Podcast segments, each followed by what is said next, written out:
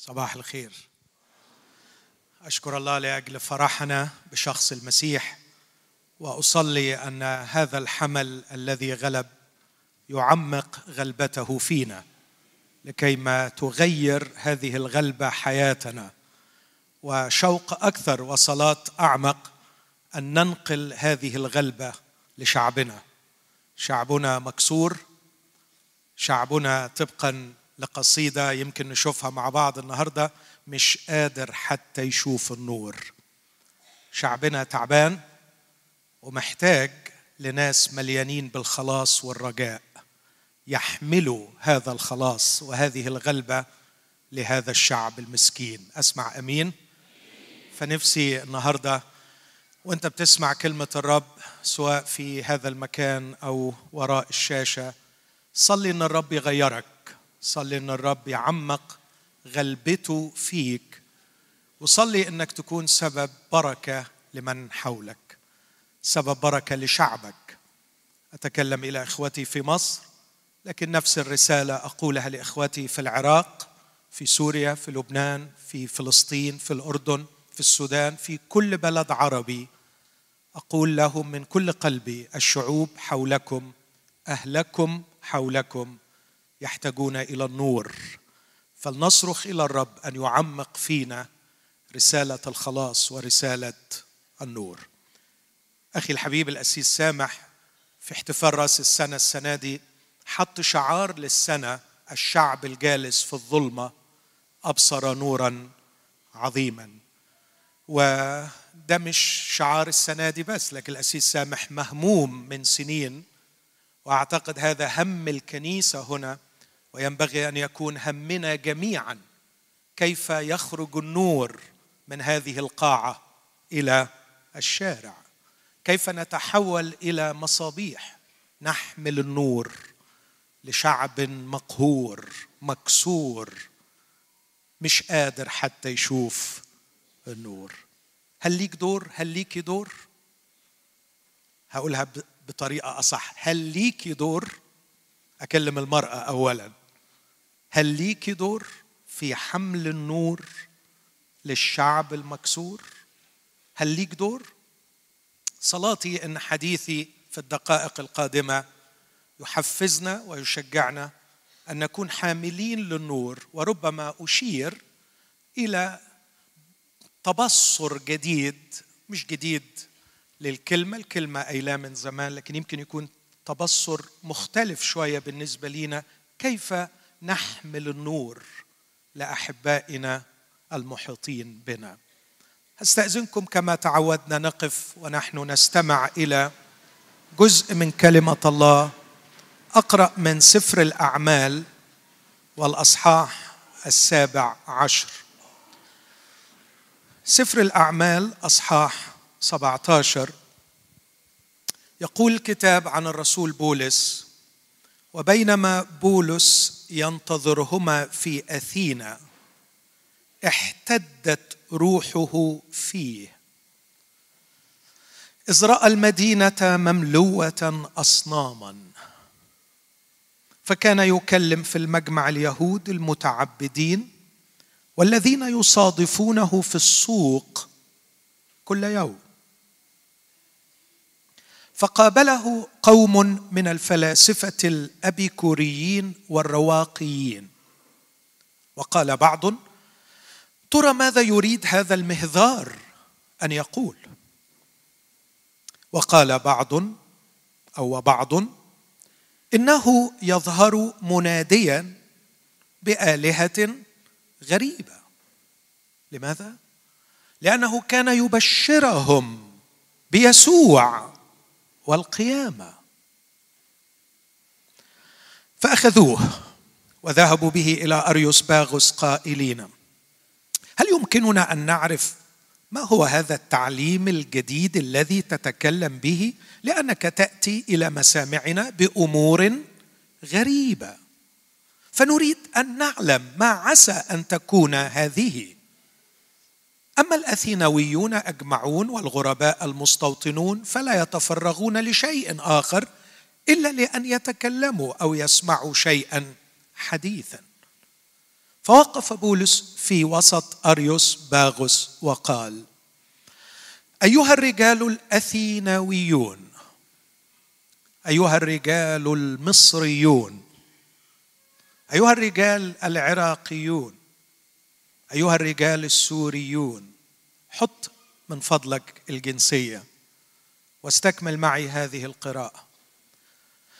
أيها الرجال الأثينويون أراكم من كل وجه كأنكم متدينون كثيرا. لأني بينما كنت اجتاز وأنظر إلى معبوداتكم وجدت أيضا مذبحا مكتوبا عليه لإله مجهول. فكر في العبارة اللي جاية من فضلك. فالذي تتقونه وأنتم تجهلونه الذي تتقونه وأنتم تجهلونه أيها الشعب المسكين الذي تتقونه وأنتم تجهلونه. هذا أنا أنادي لكم به. الإله الذي خلق العالم وكل ما فيه. هذا إذ هو رب السماء والأرض لا يسكن في هياكل مصنوعة بالأيادي. ولا يخدم بأيادي الناس كأنه محتاج إلى شيء إذ هو يعطي الجميع حياة ونفسا وكل شيء. وصنع من دم واحد كل أمة من الناس يسكنون على كل وجه الأرض وحتم بالأوقات المعينة وبحدود مسكنهم لكي يطلبوا الله. لعلهم يتلمسونه فيجدوه مع أنه عن كل واحد منا ليس بعيدا لأننا به نحيا ونتحرك ونوجد. كما قال بعض شعرائكم أيضا لأننا أيضا ذريته. فإذ نحن ذرية الله لا ينبغي أن نظن لا ينبغي أن نظن. أن اللاهوت شبيه بذهب أو فضة أو حجر نقش صناعة واختراع إنسان. فالله الآن يأمر جميع الناس في كل مكان أن يتوبوا متغاضيا عن أزمنة الجهل. لعله يكون آن أوان نهاية أزمنة الجهل. متغاضيا عن أزمنة الجهل. لأنه أقام يوما. هو فيه مزمع أن يدين المسكونة بالعدل. برجل قد عينه مقدما للجميع ايمانا أو برهانا إذ أقامه من الأموات. ولما سمعوا بالقيامة من الأموات كان البعض يستهزئون والبعض يقولون سنسمع منك عن هذا أيضا. وهكذا خرج بولس من وسطهم. ولكن اناسا التصقوا به وآمنوا. منهم ديونيسيوس الأريوباغي وامرأة اسمها دامرس وآخرون معهما. هذه هي كلمة الرب. دعونا ونحن وقوف. نرفع الشكر للرب من أجل هذه الكلمة المقدسة. ونطلب منه أن يفتح أذهاننا وقلوبنا لنقبلها. صلي معايا في قلبك. افتح يا رب عيون شعبك. وافتح عيني في هذا الصباح. وافتح قلبي لرسالتك. اطلب من الرب أن يحضر إليك شخصيا. حيث المقعد اللي انت جالس عليه. اطلبي من الرب أن يلتقي بك في هذا الصباح وجها لوجه. لا تنتظر عظة أو رسالة جماعية. انتظر حديثا شخصيا. قل له تكلما. تكلما يا سيدي. تكلما لقلبي. جدد لي دعوتك. جدد لي حديثك الذي توقف. تبسما يا سيدي في وجهي بعد أن غابت بسمتك. لا تصمتن يا سيدي فصمتك يخيفني. قولي للرب. عايز أحس إن أنا وأنت بس في هذه القاعة. مفيش حد غيرنا. اتجرأ وقول للرب أنا الوحيد في المكان ده اللي محتاج لك قوي. أنا أشد الكل احتياجا لك. غيرني كلمني.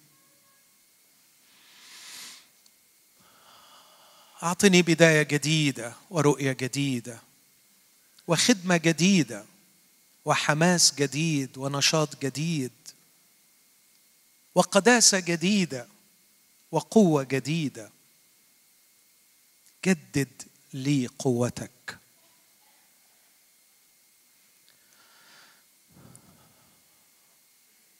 علمتنا أن من يأتي إليك ينبغي أن يؤمن أنك موجود وأنك تجازي الذين يطلبونك.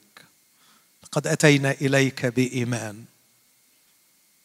نبتغي أن تعلمنا. فاسمع دعاءنا. استجب تضرعنا. افتح عيوننا وأذاننا. واجعلنا نختزن هذه الكلمة في قلوبنا. وأصلي من قلبي مع إخوتي. لاجل شعبنا. لاجل كل عقل مغيب. ولاجل كل قلب مكسور. ولاجل كل من عبد إله مجهول. أتضرع إليك أيها الرب المحيي. أيها الثالوث الأقدس. أيها الآب بمحبتك الباذلة. أيها الابن بغلبتك الفادية. أيها الروح القدس بقوتك المحيية. أتضرع إليك. أن تجول في بلادنا. وأن تعمل عملك. وأن تحيي وتخرج وتشفي وتحيي نفوسا قد انكسرت. في اسم المسيح يا أبي اسمع واستجب. آمين. تفضل.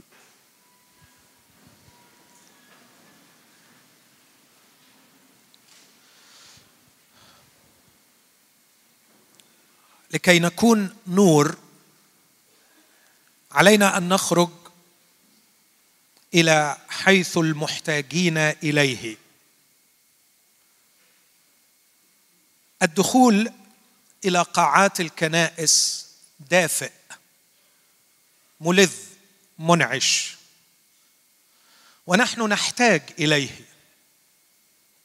والرب ما يحرمناش من أن يكون متاح لنا أن نأتي لنعبد الرب معا نرنم معا نتعلم معا. انها بركة عظيمة أن نتواجد في هذا المكان لكي نسمع كلمة الرب. لكن علينا أن ندرك يا أحبائي أن اجتماعنا هنا ما هو إلا فرصة لشحن البطاريات. إنه ليس إلغاية النهائيه أن نوجد هنا. لكن هنا مجرد وسيلة لكي نشحن فننير في الخارج. علينا أن ننير حيث يوجد الظلام. والظلام موجود من حولنا كثيف للغاية. وأعتقد أن عدم رؤيتنا للظلام إنما هو برهان على عمق انسحابنا من هذا المجتمع وهي خطية سنحاسب عليها. لأن الرب عندما تكلم عن الكنيسة كنور للعالم شرح فصل أضاف شيئا في غاية الأهمية يختلف عن الشرح الذي أضافه بخصوص الملح. عندما تكلم عنا كملح حذر من فسادنا. لكن عندما تكلم عنا كنور حذر من اختفائنا. فقال لا يمكن أن تخفى مدينة موضوعة على جبل.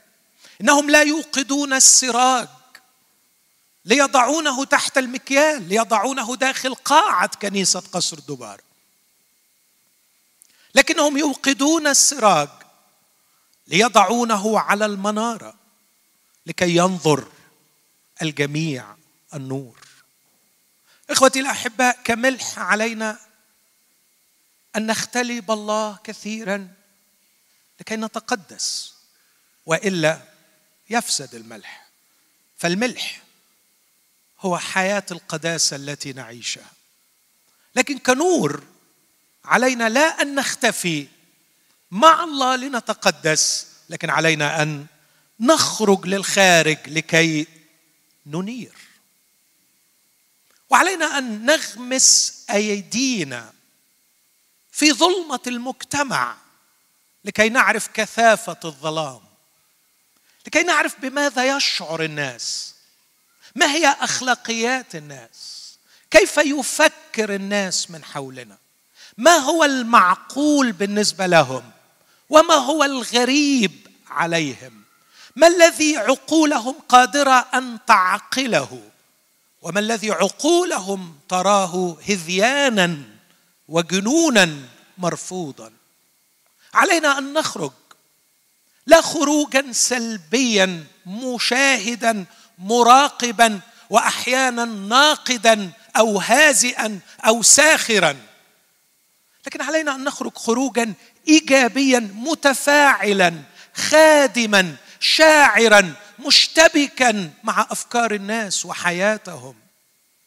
لكي نستطيع أن نحدد ما هو المرض وبالتالي نستطيع أن نقدم العلاج.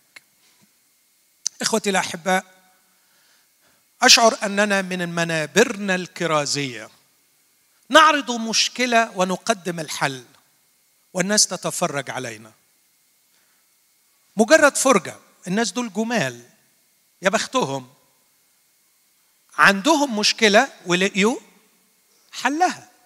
لكن المشكلة اللي بيعرضوها ما هياش مشكلتنا. إننا نتكلم عن مشكلة وعن حل. لكننا لم ننجح في أن نجعل الناس تشعر بأن هذه المشكلة التي نتكلم عنها إنها هي مشكلتهم. وبالتالي الحل الذي نقدمه غير مقبول مرفوض لأنه حل جميل. مبروك عليك لمشكلتك. والسؤال هل المشكلة التي نطرحها هي مشكلة خاصة بنا أم أنها مشكلتهم؟ إنها مشكلتهم. لكن لماذا لم نشعرهم؟ لم نشعرهم ولم ننجح في أن نشعرهم بأن هذه المشكلة التي نطرحها من على منابرنا ونقدم يسوع المخلص ليها كالعلاج لماذا لم ننجح في أن نجعلهم يشعرون أن هذه هي مشكلتهم؟ أقول ربما لأسباب كثيرة ألخصها في كلمتين. إننا لا نشعر بهم. والأمر الثاني إننا لا نتكلم لغتهم.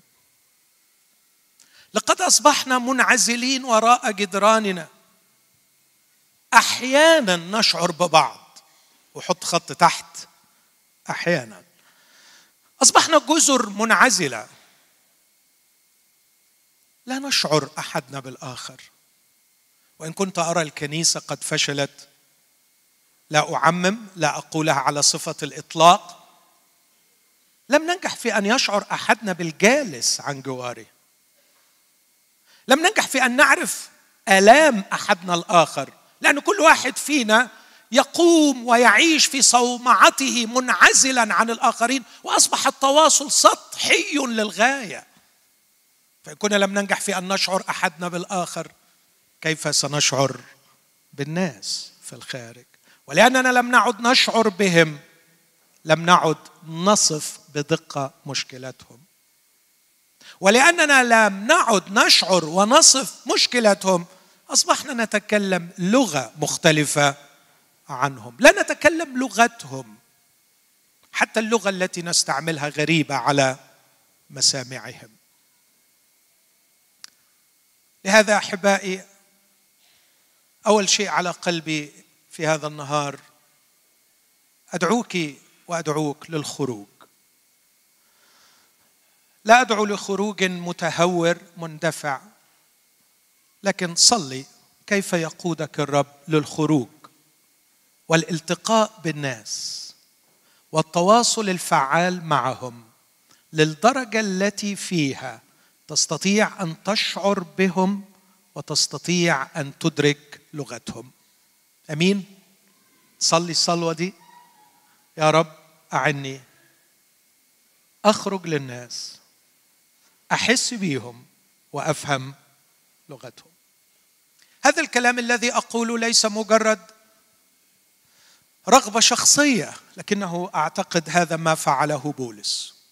ارجع معي للنص الكتابي لأني أؤمن أن كلمة الله المعصومة لها سلطان علينا. وأفكار الله يقينا لها قوة مغيرة فكلمة الله حية وفعالة. اقرأ معي هذا النص مرة أخرى. بولس بولس كان في أثينا ينتظر زملائه في الخدمة. ماذا فعل؟ بينما بولس ينتظرهما في أثينا احتدت روحه فيه. اذ راى المدينة مملوءة يعني ابتدى يتجول في شوارع المدينة ابتدى يمشي في شوارع المدينة يتفرج على الناس في المدينة. وراى المدينة مملوءة اصناما فاحتدت روحه فيه. إخوتي الأحباء عمرنا ما هننقل النور لشعب مصر إذا ما كناش نمشي في حواري مصر وشوارع مصر ونقعد مع ناس مصر ونسمع آلام شعب مصر ونشوف أصنام مصر ومش هنقدر نخرج بالنور إلا إذا انتابتنا حالة الاحتداد اولا. احتدت. روحه فيه. بس مش احتدت على الناس. مش احتدت على الحكومات. احتدت بسبب الأصنام. واحتداد روحه لم يقلل من محبة قلبه. بل على العكس احتداد روحه جعله يكرز. إني أرانا أرانا في رخاوة. أرانا بلا احتداد. أرانا متأقلمين مع الأصنام. نسمع صوتها عاليا كل يوم. نسمع الأكاذيب. نسمع كل شيء رديء. مضاد لله وأرواحنا. لا تحتد. ونكتفي بالترنيم. في داخل قاعاتنا. لكن عندما نمشي في الشوارع ونرى الشهادة الزور والكذب والضلال والضياع والهلاك للأسف اعتدنا وأصبحت أرواحنا لا تحتد فينا. لن يكرز من لم يحتد. لن يكرز من لم يحتد. ولن يحتد شخص ميت لكن عندما يستيقظ النائم من بين الأموات ويقيمه المسيح ويرى ما يراه المسيح سيتوجع بأوجاع المسيح سيتألم بألام المسيح وسيشتهي شركة ألام المسيح وبالتالي سيحتد.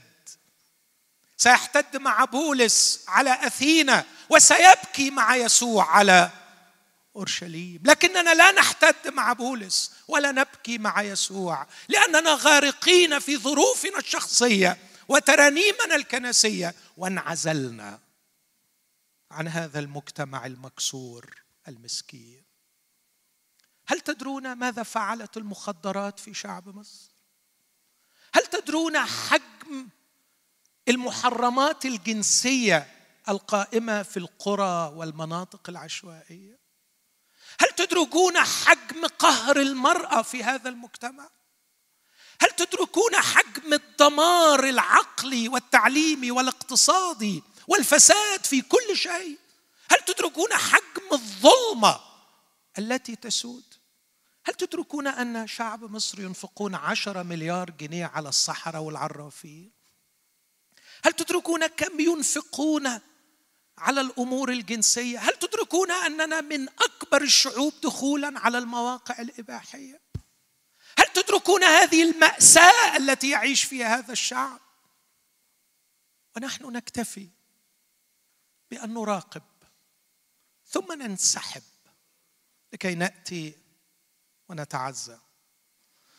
دون أن نحتد مع بولس ودون أن نبكي مع يسوع. أصلي من قلبي أن يعطيني الرب روح بولس المحتدة وأن يعطيني عين يسوع الباكية. أو أقول مع إرميا يا ليت رأسي ماء وعيناي ينبوع دموع فأبكي نهارا وليلا. أبكي مش على حالي لكن أبكي قتلى شعبي. وعندما احتدت روحه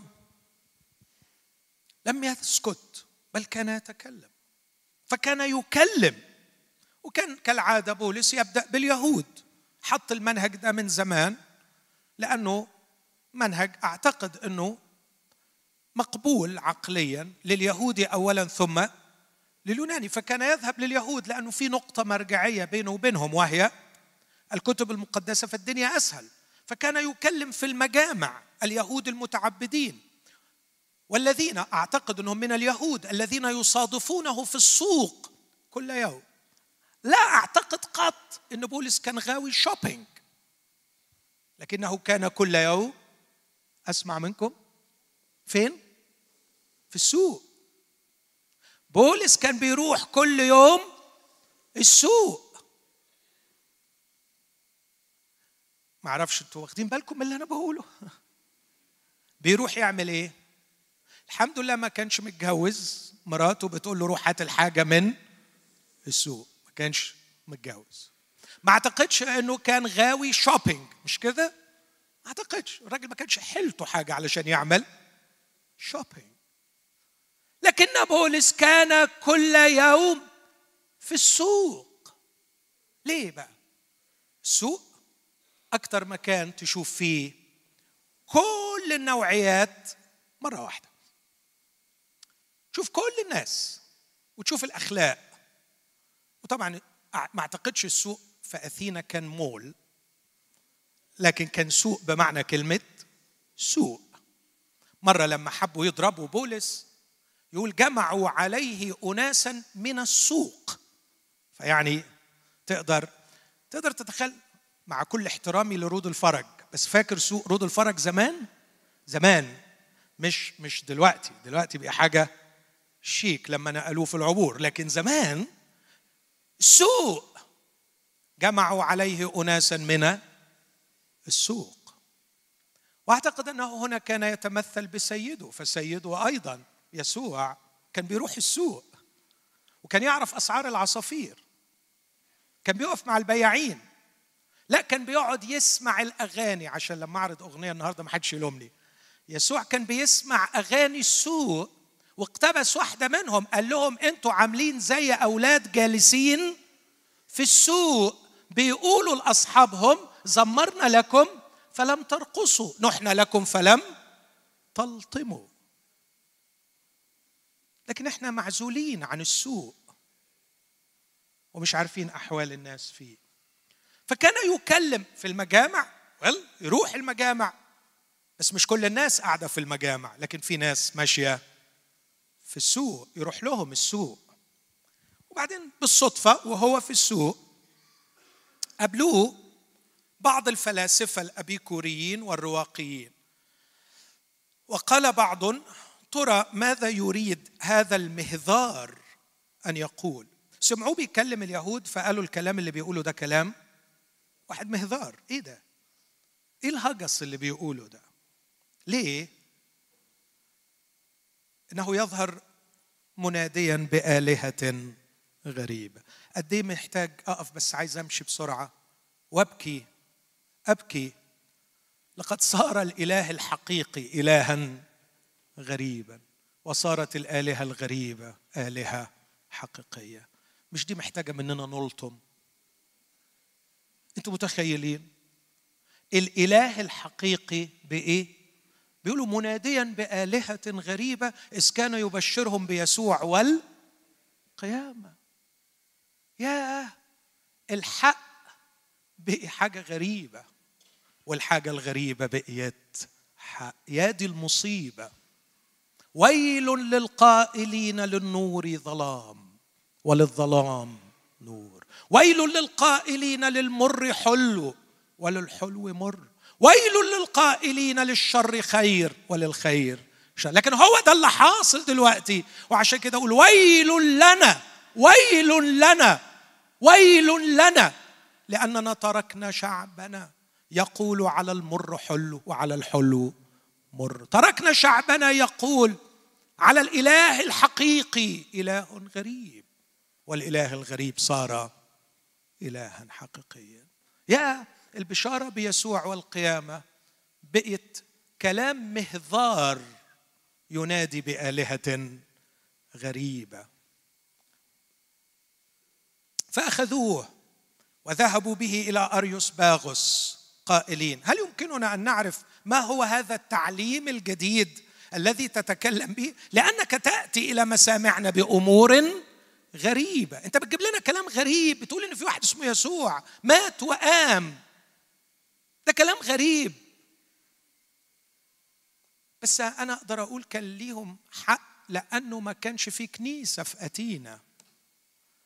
بس لما تبقى البلد مليانة كنايس ويفضل الكلام عن يسوع والقيامة كلام غريب شيء يوجع القلب.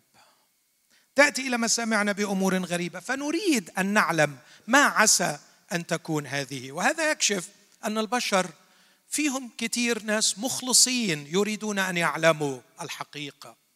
تعال قل لنا ما عسى. حتى لو كان من منطلق إن هم يحبوا يعرفوا أي شيء جديد فليكن. فوقف بولس في وسط أريوس باغوس. وقال أيها الرجال مش الإسرائيليون لكن الأثينويون. الساكنون في وسط أريوس باغوس. أيها الرجال أراكم من كل وجه كأنكم متدينون كثيرا. كلمة كأنكم مش موجودة في الأصل اليوناني. فبولس كان يعترف أنهم متدينون ومتدينون كثيرا. ابتدى يتكلم معاهم. أرجوكم أحبائي أنا قريت النص بتدقيق. لا أريد أن أطيل في التعليق على هذا النص مرة أخرى لكن أرجو أنكم تشوفوا الحب والرقي اللي بولس تعامل به مع هؤلاء الناس. الخصه في كلمات الأمر الأول أنه لم يستذنبهم لكنه أشفق عليهم. أول حاجة يقولها لهم أنا أراكم أنكم متدينون كثير. هذا شيء حسن. أعتقد يعني مش استنتاج مبالغ فيه. بولس كان بيمدح ولا بيدين هنا؟ ها؟ بيمدح. إحنا بندين. إحنا قرفانين. إحنا زهقانين. بولس كان عنده نظرة غريبة للناس دول. عمل إيه؟ مدحهم. يا مبسوط إنكم متدينين. بس في مشكلة. أنت متدين كتير بس بتعبد وتتقي إله أنت تجهله. ده اللي وجع قلبي عليك. انت محتاج قوي قوي قوي قوي قوي لربنا اللي انت بتقرب له. بس انت بتقرب بطريقة غلط لرب غلط. تعال لما اعرفك مين هو. الإله الحي الحقيقي ألم يقل يسوع هذا؟ هذه هي الحياة الأبدية. أن يعرفوك. أنت الإله الحقيقي وحدك. ويسوع المسيح الذي أرسلته. أنتم متدينين. وأنا شايف انكم متدينين لاني بينما اتجول واجتاز انظروا ارجوك لما تروح البيت النهارده حط خط تحت انظر. انظروا إلى معبوداتكم. كان بولس يتامل في معبوداتهم. وعلينا ان نعرف ماذا يعبد الاخرون. علينا ان نعرف من يعبد الآخر علينا ان نعرف معبودات الناس.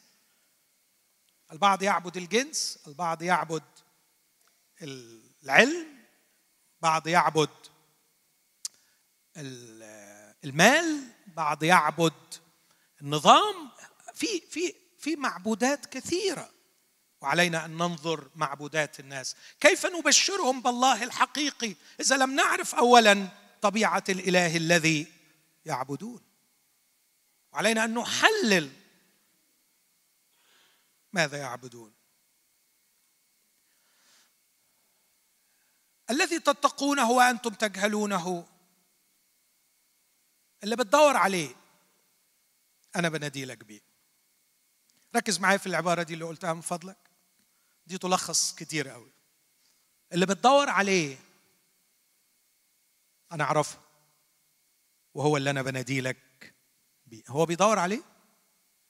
بيدور عليه؟ آه بيدور عليه. آه صدقني بيدور عليه. وهنشوف دلوقتي مع بعض إنه بيدور عليه. ابتدى يوصفه قال لهم هو الإله الذي خلق العالم. ملاحظ ما قال لهمش هو الإله الذي أرسل ابنه الوحيد لكي يموت عنا على الصليب. يا بولس ملوش حق. كتم الشهادة. كارز مش كويس. إيه رأيكم في الكلام الفارغ اللي بقوله ده؟ يا بولس المسيح أرسلك لكي تكرز بالإنجيل. والإنجيل هو أن تقول للناس الله أرسل ابنه الوحيد إلى العالم لكي يموت على الصليب. رايح تقول لهم الإله الذي خلق العالم وكل ما فيه. يقول لي يا بني آدم يا اللي ما بتفهمش. أنا متخيل بولس هيقول لي كده وقابلها منه قوي. يقول لي يا بني آدم يا اللي ما بتفهمش أنا عايز أربحه ولا عايز أحطمه؟ أنا عايز أفهمه ولا أعقده في عيشته وعيشة اللي جابوه؟ يا ابني افهم. يا ابني واحدة واحدة. يا ابني حاسب. يا ابني الشغل في العقول وفي النفوس زي شغل الجراحين.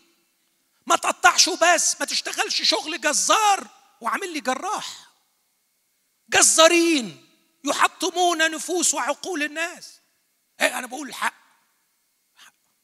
يا أخي عارفك بتقول الحق بس ما تعلمتش ابدا إن لكل مقام مقال. ما عرفتش ابدا إنك تاخد من الحق اللي يناسب العيان تروح تقلب في بق العيان كل الصيدلية اللي حيلتك فبدل ما تعالجه تجيب اجله وياما ناس في مصر جه أجلها على يد مؤمنين بيقولوا الحق. بيقولوا الحق. بس تمام زي المنتحل صفة طبيب وهو غشيم وقلب في بق العيان أي دواء وخلاص أهو دواء. آه مكتوب عليه دواء. صح يا حبيب قلبي هو دواء. بس الدواء ده لمين؟ وفي أنهي حالة؟ اتفرج على بولس والحكمة.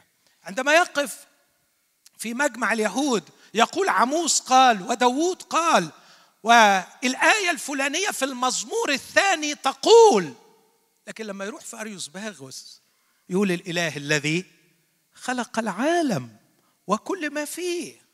وبعدين يقول عنه كلام غريب. إيه صفات الإله؟ أحب؟ بذل ابنه الوحيد؟ بعت المسيح لا ما بيقولش كده. لكن بيقول إنه رب السماء والأرض لا يسكن في هياكل مصنوعة بالأيادي لا يخدم بأيادي الناس. كلام يفهموه كويس. بيتكلم اللغة اللي هم بيفهموها.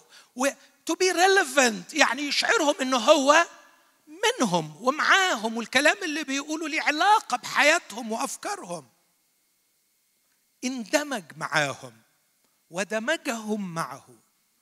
انتقل إليهم ونقلهم إليه. وأصبحوا يقفون على أرض مشتركة واحدة حتى وصل إلى هذه الكلمات العظيمة أنه فعل كل هذه لكي يطلبوا الله لعلهم يتلمسونه فيجدوه مع أنه عن كل واحد منا. هللويا ليس بعيد. هنا ابتدى يقرب. يقرب للأمر الرهيب اللي هم في شديد الاحتياج إليه إنه عن كل واحد منكم ليس بعيد. ده الخبر اللي أهلنا عايزين يسمعوه إن الله ليس بعيد. الله قريب. في مجتمع تفنن بكل الطرق أن يجعل الله بعيدا بعيدا بعيدا. إنه يتعالى يتعالى يتعالى. في كل لفظ يتعالى وفي كل موقف تعالى وعند كل ذكر يتعالى يتعالى يتعالى بعيدا. بعيدا عن بؤسي وألمي وضيقي وحزني. بعيدا عن خطياتي أنا الخاطي. بعيدا عن شري ونجاستي أنا النجس. الله لا يقبل النجسين أمثالي. الله لا يحب الأشرار نظيري. لكن المسيحية تنادي بإله لا يتعالى لكن تنازل تنازل تنازل. يأكل مع العشارين والخطاة. إله قريب قريب قريب. محب محب للنجس والعشار. واقترب إليه. هذا هو الاحتياج. هذا ما يحتاج إليه الإنسان. إله ليس عن كل واحد منا ببعيد. ثم يثبت هذا الكلام. وهنا يعني أستغرب هقرا لكم قصيدة كتبها شاعر اسمه إبينيدس في إم في الكلام لو بتدور على اسمه بالإنجليزية إبيمينيدس لكن تتنطق إبينيدس هذا الفيلسوف والشاعر عاش في القرن ما بين السادس والسابع قبل الميلاد. رسول بولس كان يقرأ الفلسفة ويقرأ الشعر اللي فات عليه 600 سنة واستعمله في الوعظة بتاعته. اسمع الشعر كما كتبه إبنيدس بيقول هذه الكلمات لقد صمموا وبنوا لك قبرا أيها القدوس العالي. وكان يكلم زيوس الإله زيوس. فإبنيدس بيقول له لقد صمموا وبنوا لك قبرا أيها القدوس العالي. لكن لكن بيقول الشاعر الكريتيون اللي عملوا كده دائما كذابون. وحوش الردية بطون بطالة. فأنت يا زيوس لست بميت أنت الحي الباقي إلى الأبد لأننا بك نحيا ونتحرك ونوجد. تصور تصور القصيدة دي أربع أبيات. بيكلم زيوس وبيقول له بنوا لك قبر الكريتيين لكن الكريتيون دائما كذبون وحوش رضيه بطون بطالة. لأنك أنت لست بميت أنت الحي الباقي إلى الأبد أيها القدوس العالي لأننا بك نحيا ونتحرك ونوجد حد واخد باله من القصيدة دي؟ حد واخد باله بولس عمل إيه من القصيدة دي؟ اقتبس منها العد الشطره الثانية في رسالة تيتوس اصح واحد. وبقيت حق في الوحي بقيت جزء من كلام الله. واقتبس منها شطره الرابعة في أعمال 17 يعني بولس استخدم هذا الشعر اللي مضى عليه 600 سنة استعمله في تعليم الكنيسة في تيتوس واستعمله في الكرازة بالإنجيل في أتينا إيه رأيكم في الراجل ده؟ يحتاج حرمان كنسي طبعا.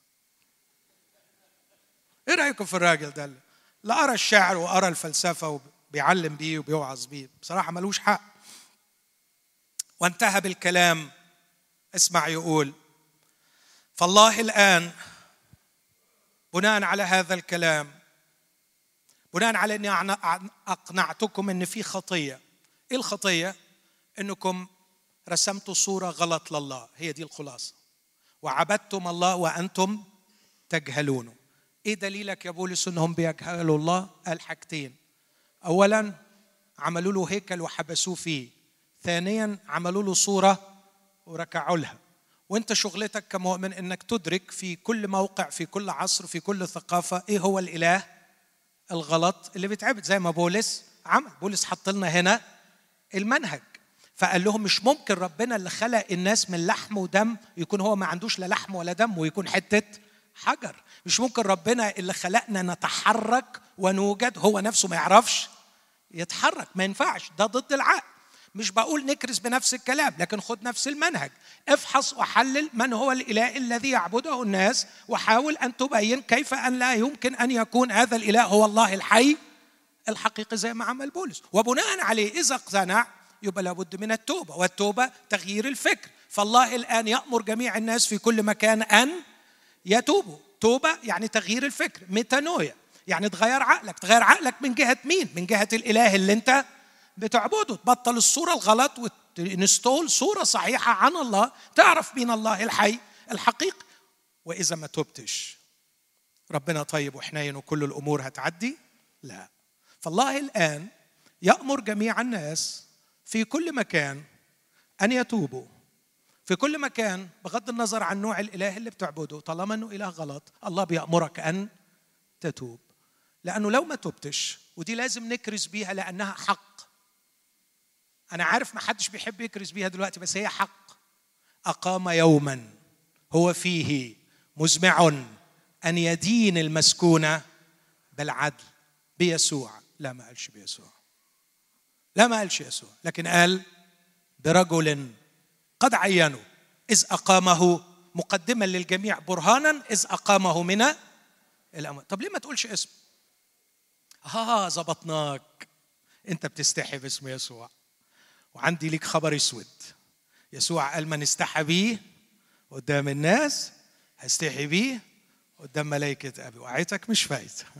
ينفع الكلام الفاضي اللي أنا بقوله ده؟ ده كلام فاضي. أنا بشهد أهو. لأن واحد ياخد الكلمتين بتوعي دول يقصهم يعملهم فيديو ويقول بص بيقول إيه ها؟ أنا بقول أهو. ده كلام فاضي. بولس لم يستحي باسم المسيح. لكن بولس كان يطيع تعليم سيده في متى سبعة. لا يطرح الدرر. هو من شوية اتكلم باسم يسوع في السوق. فقالوا تعالوا نشوف ماذا يريد أن يقول هذا. لا ما فيش داعي تاني للاستهزاء باسم يسوع. في راجل الله أقامه من الأموات واللي عايز يعرف اسمه يجي ورايا. وجم وراه ولا ما جوش؟ جم وراه. الباحثين سيأتوا والهاذرين سيبقوا.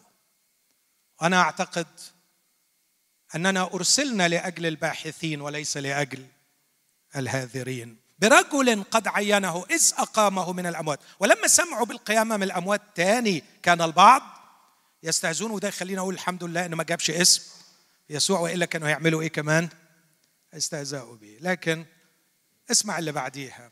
لكن في البعض يقولون سنسمع منك عن هذا أيضا. هنسمع عن الراجل ده. عايزين نسمع عنه. لكن في في في في فئة أحلى من الاثنين اللي فاتوا.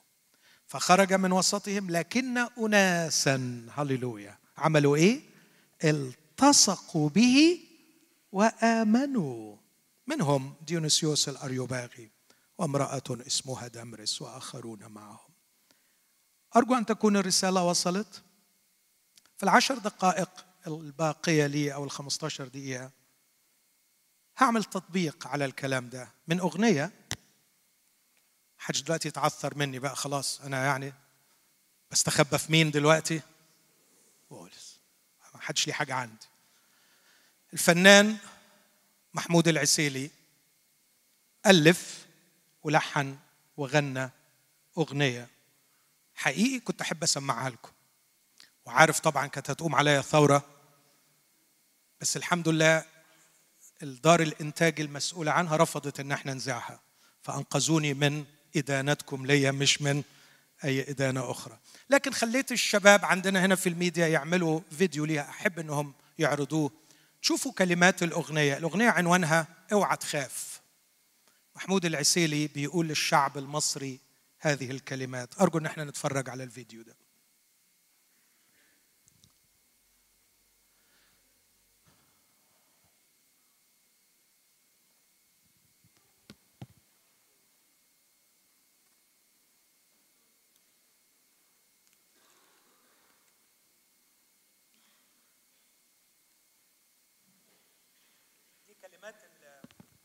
كلمات الأغنية غالبا مش نازلة بصوت أقراها لكم من الأول.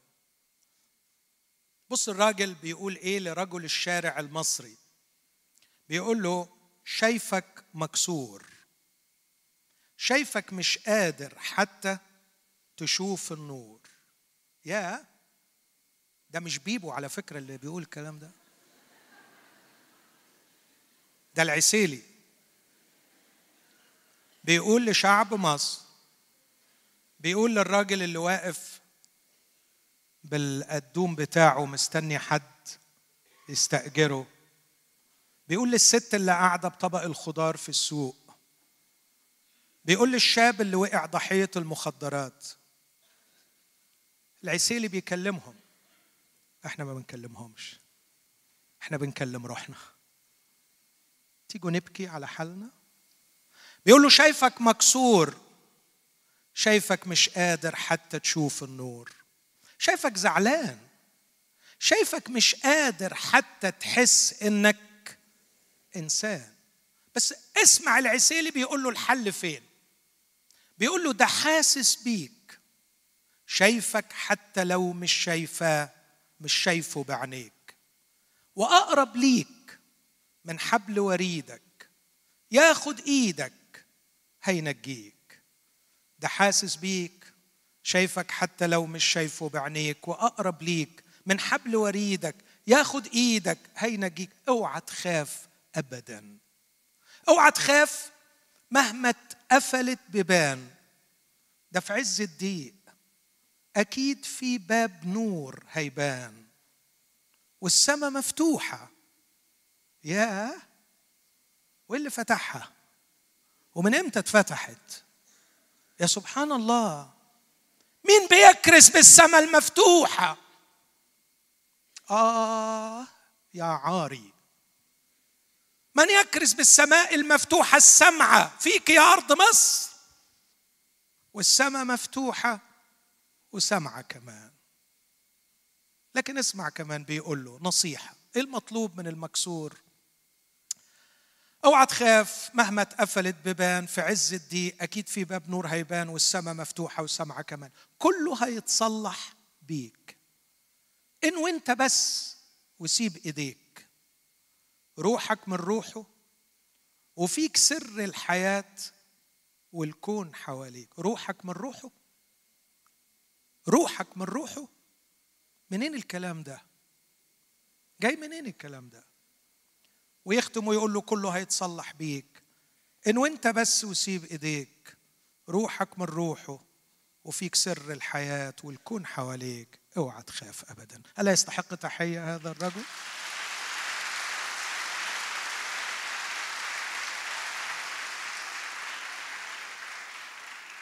بس ليا وقفة وأتمثل ببولس أيضا. بولس لم يأخذ كل القصيدة التي كتبها إبندس لكن اقتبس منها أشياء تصلح أن تكون نقطة التقاء. لكن لابد أن أقف أمام هذه القصيدة وأتكلم بعض الكلمات. أولا بيقول له شايفك مكسور. وأول ما قريت الكلمة دي بالمناسبة علشان أعطي الجميع حقوقهم أخ صديق عزيز كان راكب معايا القطر من أربعة أيام أو خمسة أيام وقال لي سمعت الأغنية دي قلت له لا ما سمعتهاش ولما سمعتها أثرت فيا.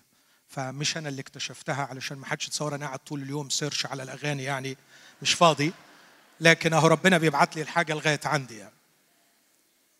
برضه بحاول أنجي نفسي يعني بس يعني أول ما سمعته بيقول له شايفك مكسور. قلت يا يا رب الكنيسة تشوف اللي شايفه الراجل ده.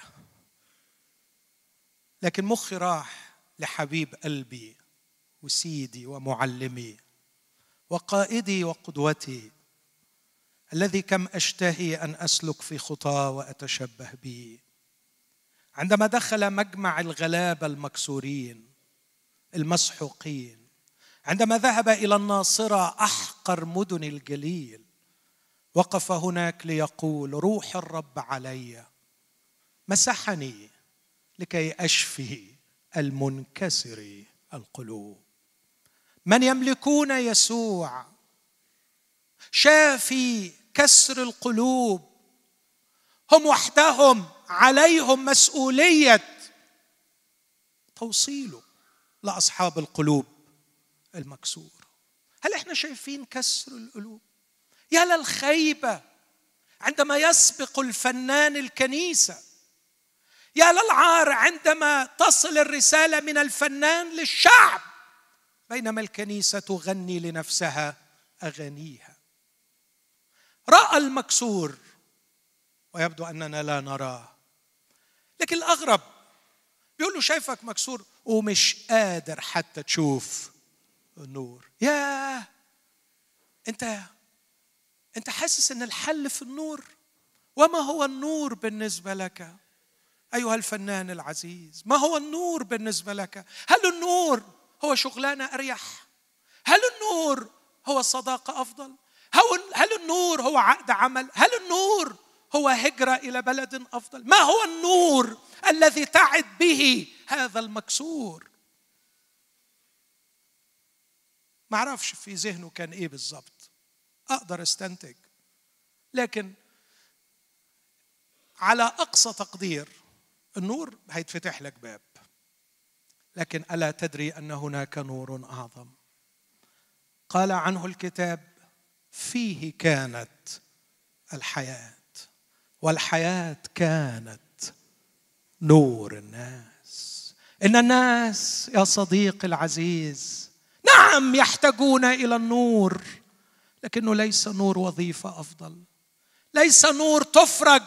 ليس نور عقد أفضل. ليس نور مال. لكن نور الحياة. نور الحياة. إنهم يحتاجون إلى حياة مختلفة في نوعها عن تلك الحياة التي يعيشون بها. هو محتاج تغيير من جوة. هو ده النور. اللي الكنيسة وحدها تملك أن تشير إليه؟ فيه في يسوع. في شخص ابن الله الذي صار جسدا وحل بيننا. فيه كانت الحياة. الحياة اللي فيها النور. النور اللي الناس محتاجاه ومش عارفة من كسرتها تشوف النور. لكن أعتقد أيضا إنه الفكر دقيق إنه الكسرة أحيانا تخلي الواحد ما يشوفش النور. وعلشان كده أعتقد إنه قبل ما ننور بالنور محتاجين إن إحنا نسند القلب المكسور. فكر في اللي بقوله ده بدون تفصيل كتير.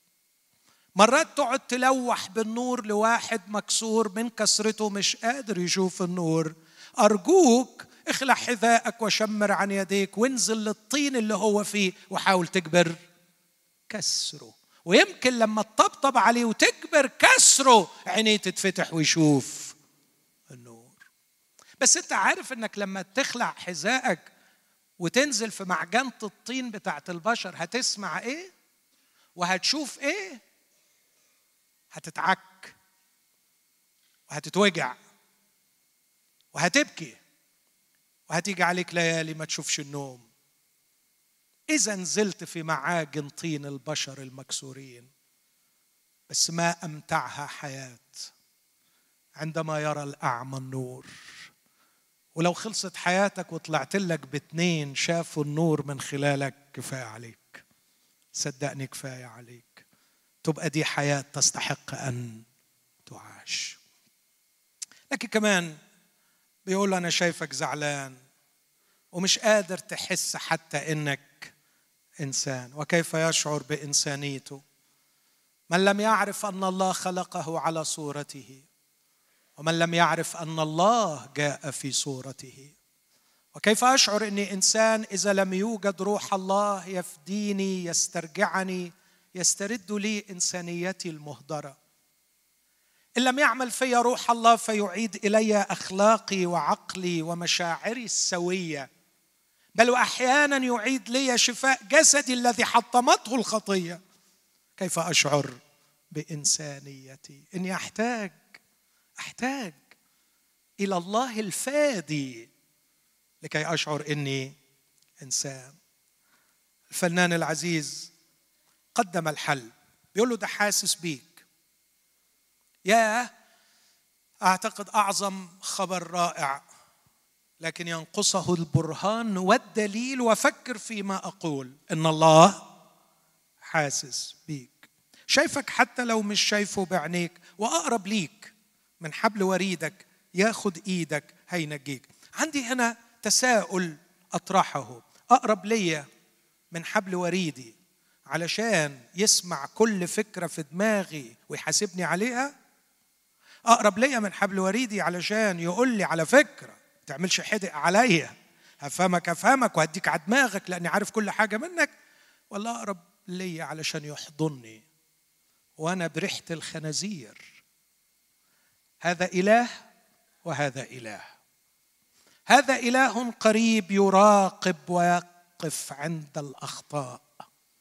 وهذا إله قريب يحتضنني برائحة الخنازير. هذا هو الإله الذي وصفه يسوع المسيح وإذ لم يزل بعيدا رآه فتحنن ووقع على عنقه وغطاه بالقبلات هللويا غطاه بالقبلات. لكن استغرب قوي وأروح بسرعة وهو بيقول له إيه المطلوب منه؟ اولا بيقول له السماء مفتوحة أنا ما أعرفش اتفتحت إزاي وعلى أي أساس لكن بيقول له كله هيتصلح بيك. إن وأنت بس وسيب إيديك. ياه! عندي هنا كذا تساؤل واعتراض. أنوي وأسيب إيديا. تعرف معناها إيه؟ معناها النعمة والإيمان. يعني حلم البشر. فالكلام اللي بنقوله مش كلام مهذار حلم الب... الفنانين كادوا أن يكونوا كالأنبياء. ودي حقيقة بقولها من زمان مش بقولها بالمناسبة دي من زمان. قلت الفنان كاد أن يكون نبيا. الفنان بينقل نبض الناس. ونبض الناس هنا فاهم إنه الأعمال لن تخلصه. ومشتاق من أعماق قلبه لخبر خلاص رائع يقول له إنوي واعمل إيه؟ وسيب إيديك. وفي حد هيشيلك. مش هو ده الإنجيل يا جماعة؟ الإنجيل بيقول إيه؟ أوعى مخكم يروح للدين بيقول إيه؟ ما هو الإنجيل؟ مش بيقول لك اعمل واعمل واعمل واعمل. الإنجيل بيقول لك سلم. سلم. إنوي وسلم وهتلاقي واحد يشيل. يا رب نجني فمد يسوع يده وأنقذه. أستغرب أين الفروض؟ أين الطاعات؟ أين الواجبات؟ أين أين أين؟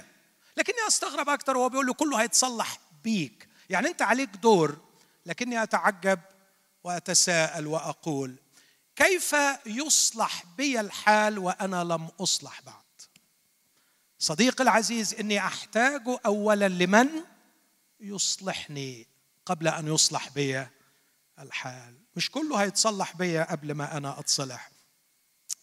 لكن أخطر حاجة على أي أساس هيعمل معايا ده كله؟ قال له روحك من روحه. وهنا لدي اعتراض أيضا.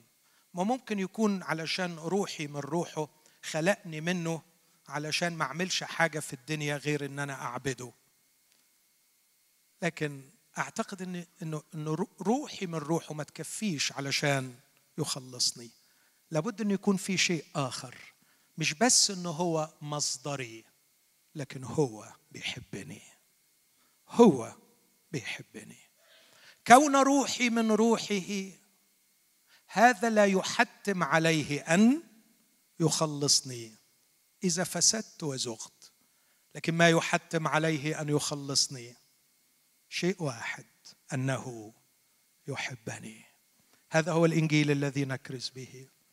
قديما قدمت دراسة عن قصائد العشق الإلهي وكم ذهلت في النهاية وأنا أرى أنهم يتغنون كثيرا عن حبهم لله لكنهم لم يذكروا شيئا قط عن محبة الله. لهم. لأن محبة الله ليست في قصائد العشق الإلهي لكنها في هذا الإنجيل. إنجيل يسوع المسيح.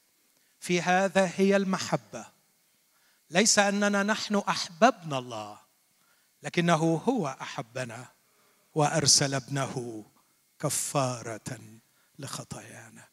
إخوتي أرجو أن هذه القصيدة تكون قد نجحت في أن تنقل لكم نبض الشارع من حولكم واحتياج الناس وصرخات العطاش من حولكم.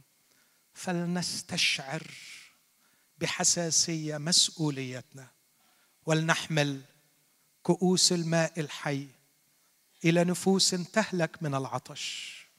ودعونا نقترب منه لكي ما تجري مياهه فينا وتجري مياهه من بطوننا أنهار ماء حي. ليت شوارعنا تمتلئ بالماء الحي. وليت العطاش في بلادنا يسمعون خبرا مفرحا عن شخص محب حاسس بيهم وأتى ليموت نيابة عنهم. ليت هذا الصوت القديم يدوي في كل مكان.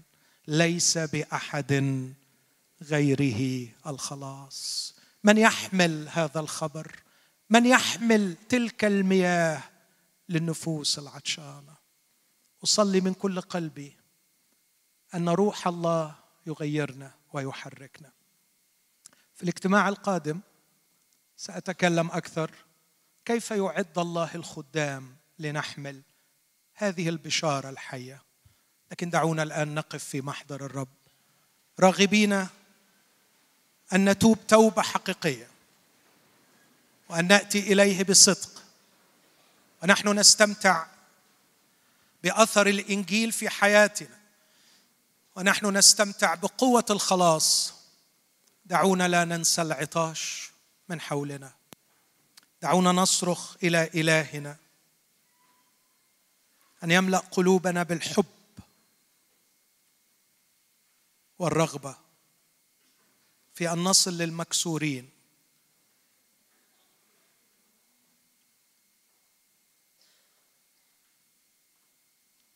خد وقت كده قبل ما نسبح ونصلي ونعترف. اطلب علاقة شخصية دلوقتي بينك وبين الرب. اطلب انه الرب ياخد شيء من اللي سمعه لنا وينخص بيه قلبك أنت أو يكتبه على قلبك. خلي في لقاء شخصي بينك وبين الرب. غيرني. اغسلني. افتح قلبي من جديد لك يا يسوع. فأحملك في داخلي. وتتحرك أنت بي إلى المكسورين من حولي. حبيبي يا يسوع مشتاق إنك تتحرك من خلالي وتروح من جديد.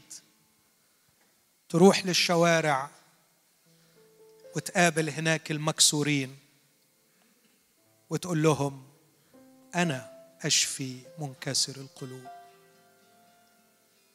أحملك يا حبيبي إليهم.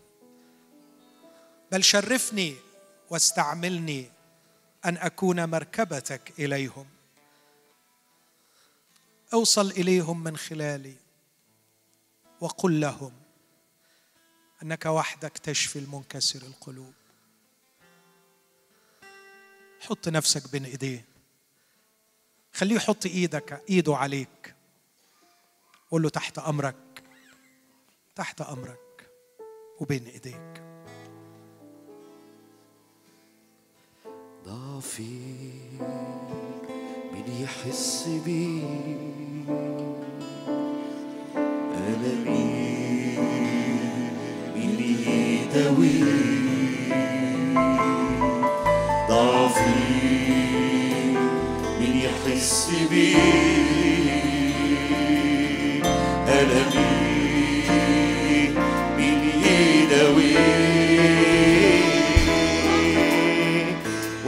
وحدك يا يسوعي إنت حاسس بي وعلى الصليب. شلت الأوجاع وحدك يا يسوعي إنت حاسس بي وعلى الصليب. اهتف له اهتف.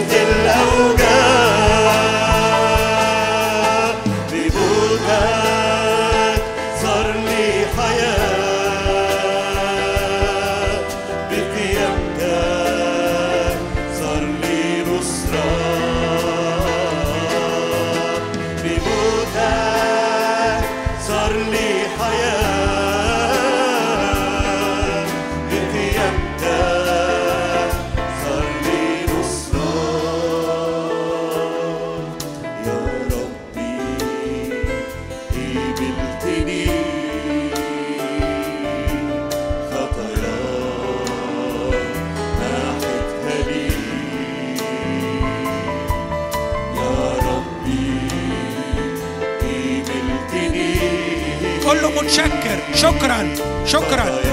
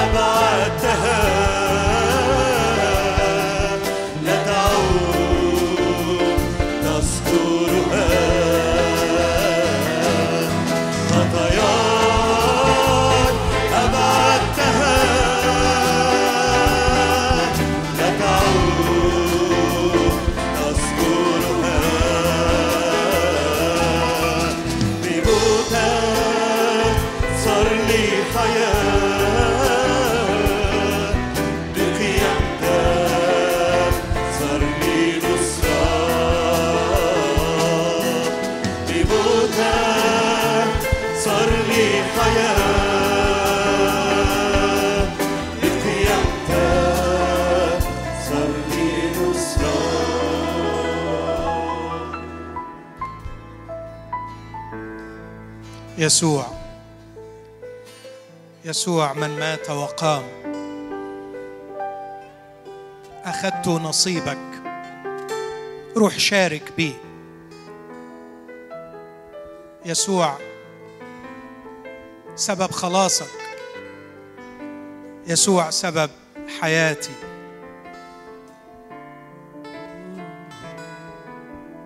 صعبان عليه. إني مش بشارك الآخرين فيه.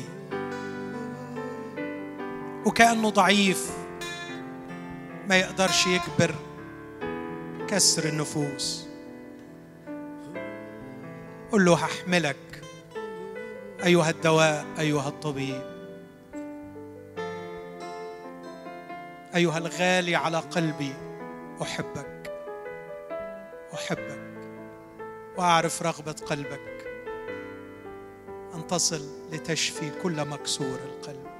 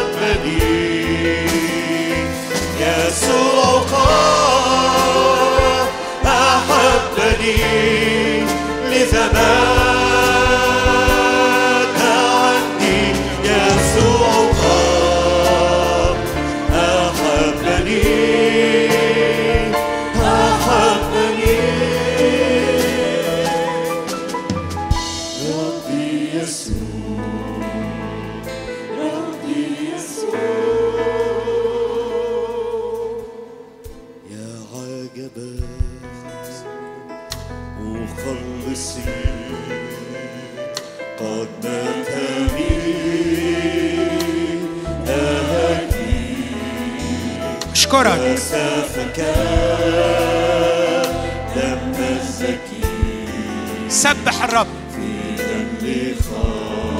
اعترف بفضله. عجبا مخلصي مخلصي قد ماتني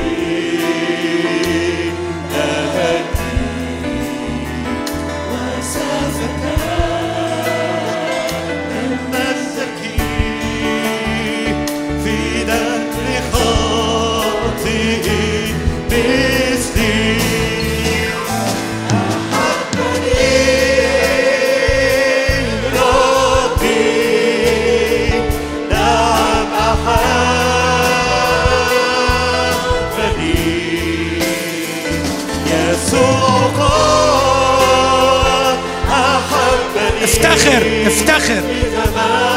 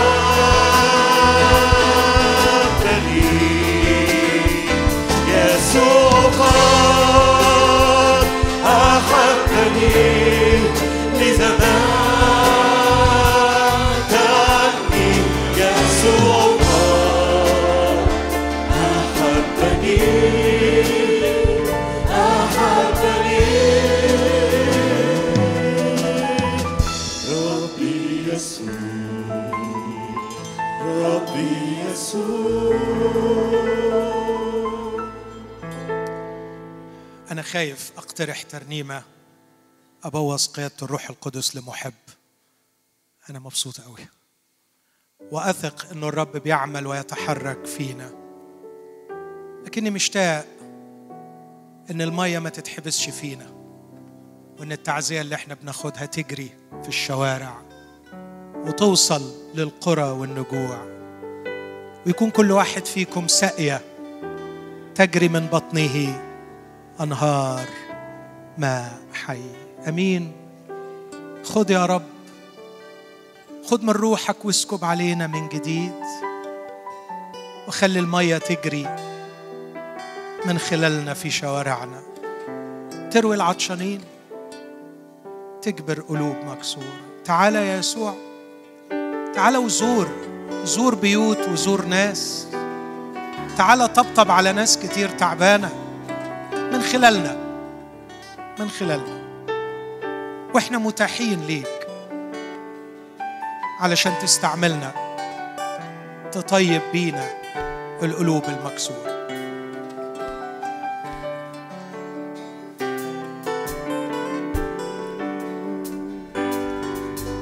فيك يا يسوع فيك حرية فيك شفاء فيك سلام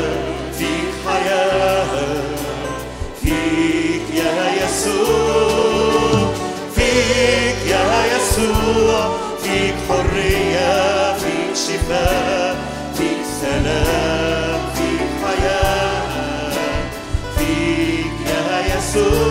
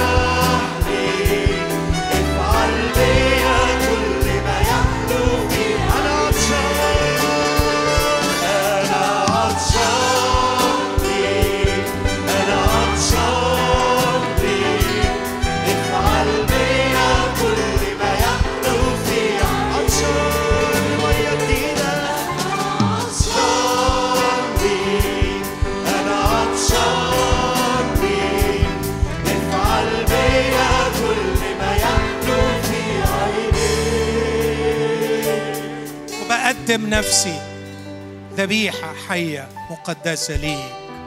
وبقرر اليوم إني أختارك تكون أنت وحدك. وهرفض كل إله غريب. وأحط نفسي على المذبح علشان تخليني أحملك إلى الآخرين. بقدم نفسي بحب حقيقي. وباقتناع إنك المخلص. وإن الناس حواليا محتاجاك قبل أي شيء تاني.